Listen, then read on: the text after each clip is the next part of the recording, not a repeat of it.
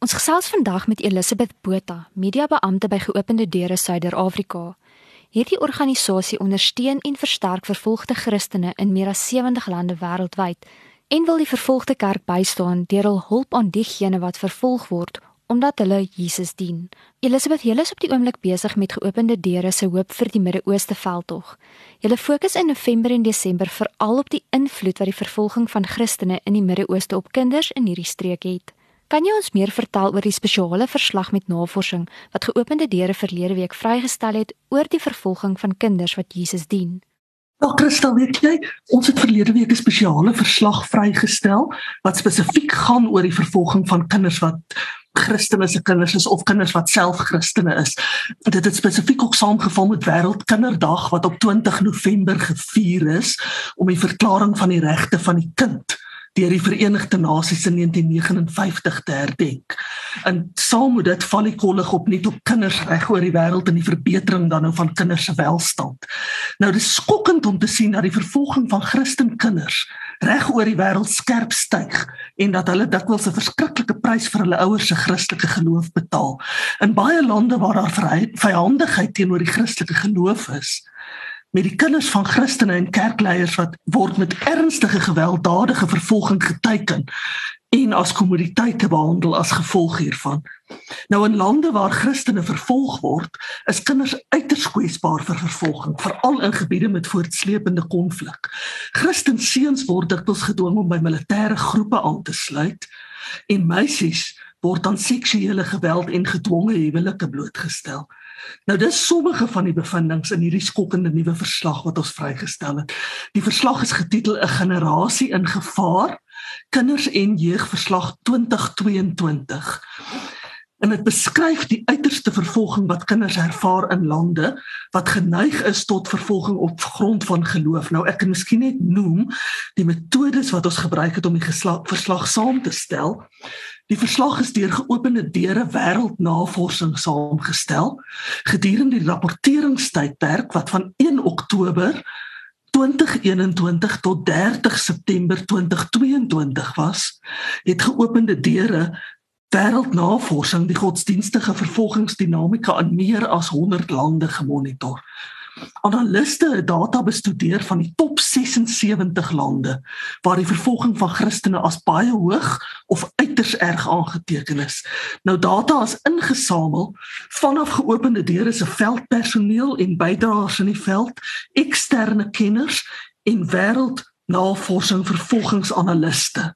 As deel van die proses om die data in te samel, het streeks gebaseerde kenners kwalitatiewe data by trauma spesialiste, kerkleiers, fokusgroepe en plaaslike vervolgingskenners gekry. Verder is vanjaar se verslag aangevul deur verdere navorsing wat deur geopende deure se vennote in die Midde-Ooste spesifiek gedoen is onder jeugdiges in sewe lande in hierdie streek. Fokusgroepe is gehou met 6 tot 15 deelnemers in elke groep, met 2 wat in Sirië gehou is en een groep in elk van die ander lande. Hulle is Algerië, Egipte, Irak, Jordanië, Libanon en die Palestynse grondgebiede. Kan jy met ons 'n paar van die belangrikste bevindinge in die verslag oor die vervolging van Christenkinders deel, asook meer vertel oor die maniere waarop Christenkinders weens hul geloof vervolg word? Die navorsing in die verslag het gewys dat kinders se kinderjare ongelukkig nie 'n skuld teen godsdienstige vervolging is nie. En dis nie 'n buffer teen die druk om tot meerderheidsgodsdienste te konformeer nie. Inteendeel, kinders se ouderdom kan hulle kwesbaarheid verhoog omdat hulle so afhanklik is in die vormingstyd van hulle lewens. Nou hulle kan kwesbaar wees op die skoolterrein, in hulle families en in die breër gemeenskap. Nou kom ek vertel vir jou wat is die ses belangrikste bevindinge in die verslag. Eerstens beperking en herleiding van die toekomstige rigting van Christenkinders en jeugdiges verseker dat hulle beperkte geleenthede het om te ontwikkel en te floreer. Die vervolging wat hulle in hulle kinderjare en adolessensie ervaar, beïnvloed hierdie jong mense se toekomstige geleenthede in hulle persoonlike en professionele lewens. Hulle opsies word dikwels beperk deur diskriminasie met onderrig en uitsluiting van hulle gemeenskappe en geleenthede. En dit vererger die armoede vir beide die individu en die geloofsgemeenskap. Tweedens, Christen meisies word doelbewus seksueel voorberei in 22% van die lande waar Christene ernstige vervolging in die gesig staar. Lede van meerderheidsgodsdienste of kriminele bendes streef daarna om jong vroulike Christene deur getekende verleiding te assimileer of te verneder.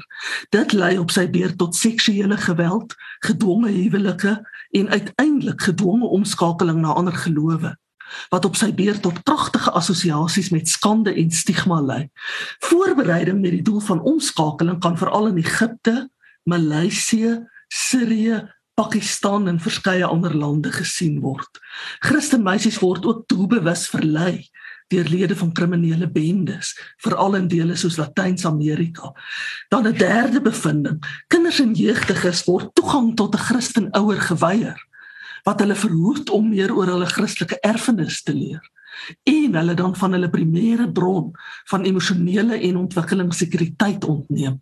Nou in 84% van die lande waar vervolging plaasvind, word Christen kinders van hulle Christen ouers geskei. Meestal wanneer hulle ouers se bekering tot Christendom met teenstand deur hulle breër familie beheen word en dit dan tot 'n verlies van kindertoesig en toegang lei. Skeiding vind ook plaas wanneer 'n ouer of kind fisies uit die familieeenheid verwyder word deur tronkstraf, ontvoering, gedwonge werwing of wanneer hulle gedwing word om te vlug. Nou hierdie is absoluut 'n bron van langtermyn trauma vir kinders en jeugdiges.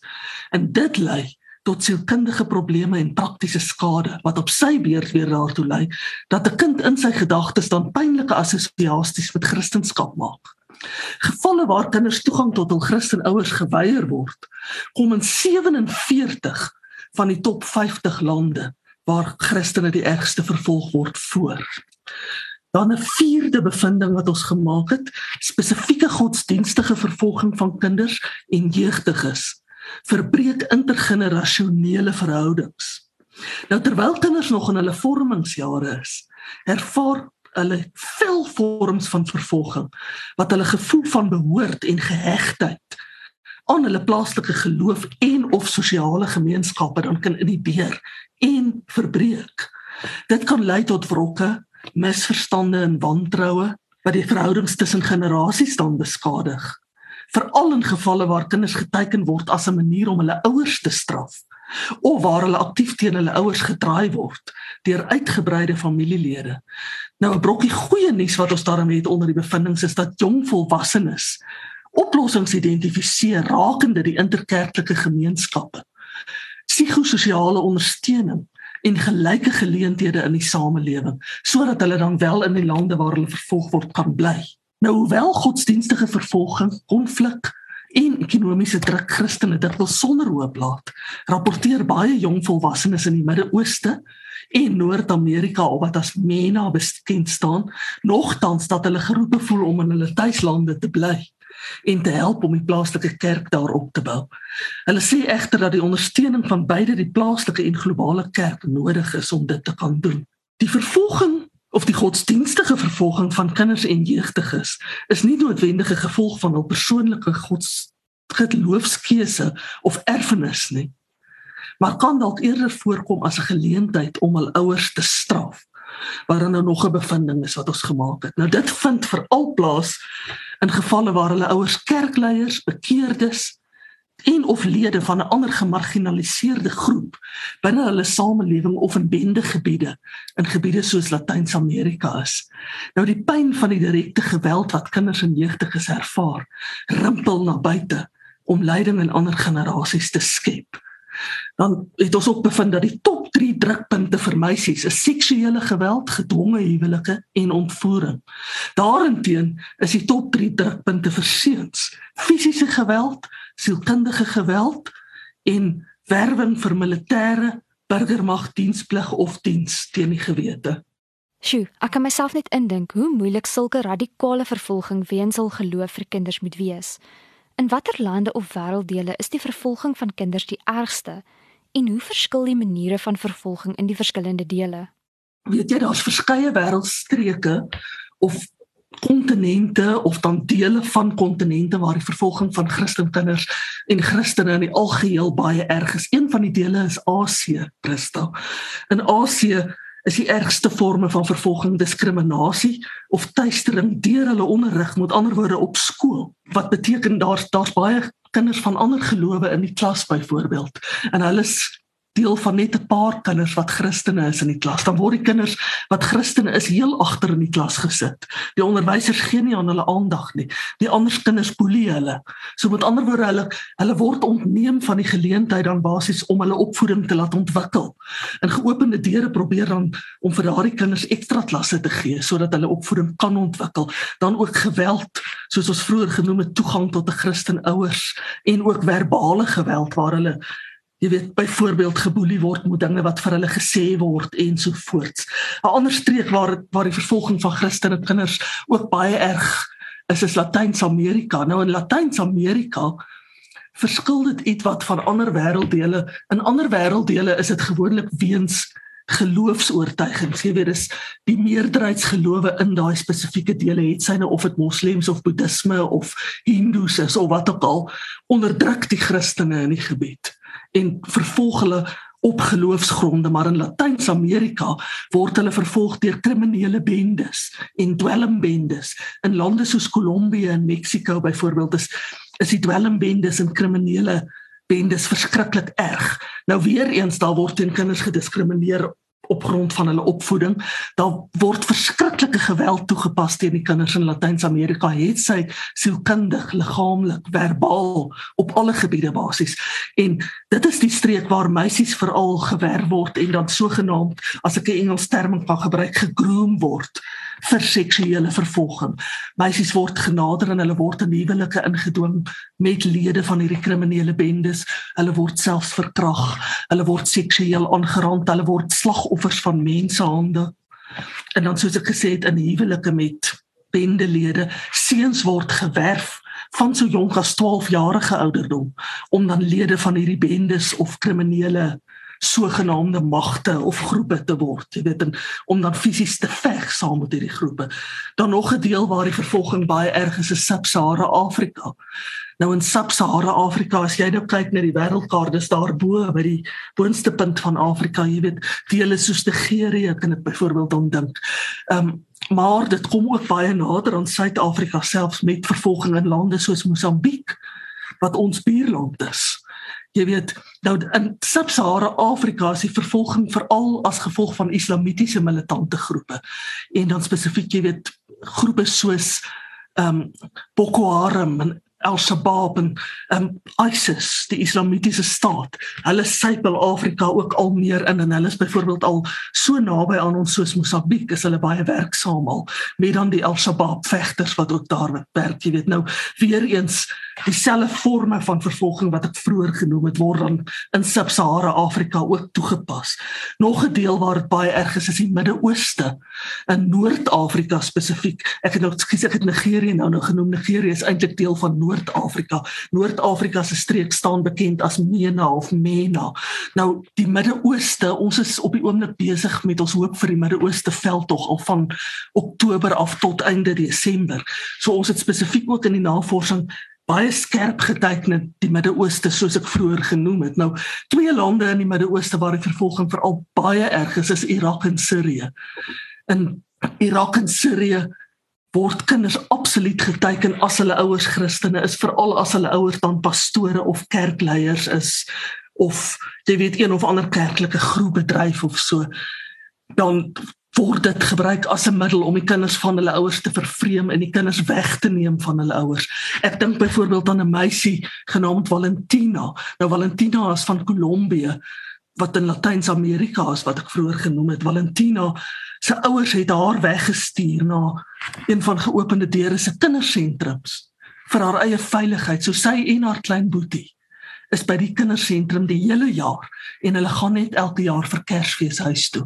En dan na Kersfees reis hulle 15 ure van hulle huis af terug en dan sien hulle hulle ouers eers weer die volgende jaar. Alles vir hulle eie veiligheid teen hierdie vervolging. Watter aanbevelings is daar in die verslag om hierdie situasie te verbeter en hoe is geopende deure daarbey betrokke? weet jy, um, geopende deure het as deel van die verslag jong kinders en volwassenes reg oor ons streke ge onderhoude mee gevoer om te hoor hoe hulle beskryf hoe erg die vervolging is. Nou, een van die groot aanbevelings wat ons het is dat daar psigososiale ondersteuning aan jong Christene of dan kinders gegee moet word.